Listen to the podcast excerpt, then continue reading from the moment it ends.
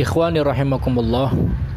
Rasul Shallallahu alaihi wasallam berkata bahwa menuntut ilmu adalah suatu kewajiban kita sebagai umat Nabi Muhammad Shallallahu alaihi wasallam.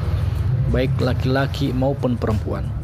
Semua daripada umat Nabi Muhammad Shallallahu alaihi wasallam diwajibkan untuk mencari dan menuntut ilmu agama Allah Subhanahu wa taala. Maka dari itu mari kita sama-sama menuntut ilmu agama Allah Subhanahu wa taala agar kita tahu ilmu dari Allah Subhanahu wa taala agar kita mendapatkan keberkahan dari Allah Subhanahu wa taala agar kita tahu dan bisa membedakan mana yang hak, mana yang batil, mana yang benar dan mana yang salah.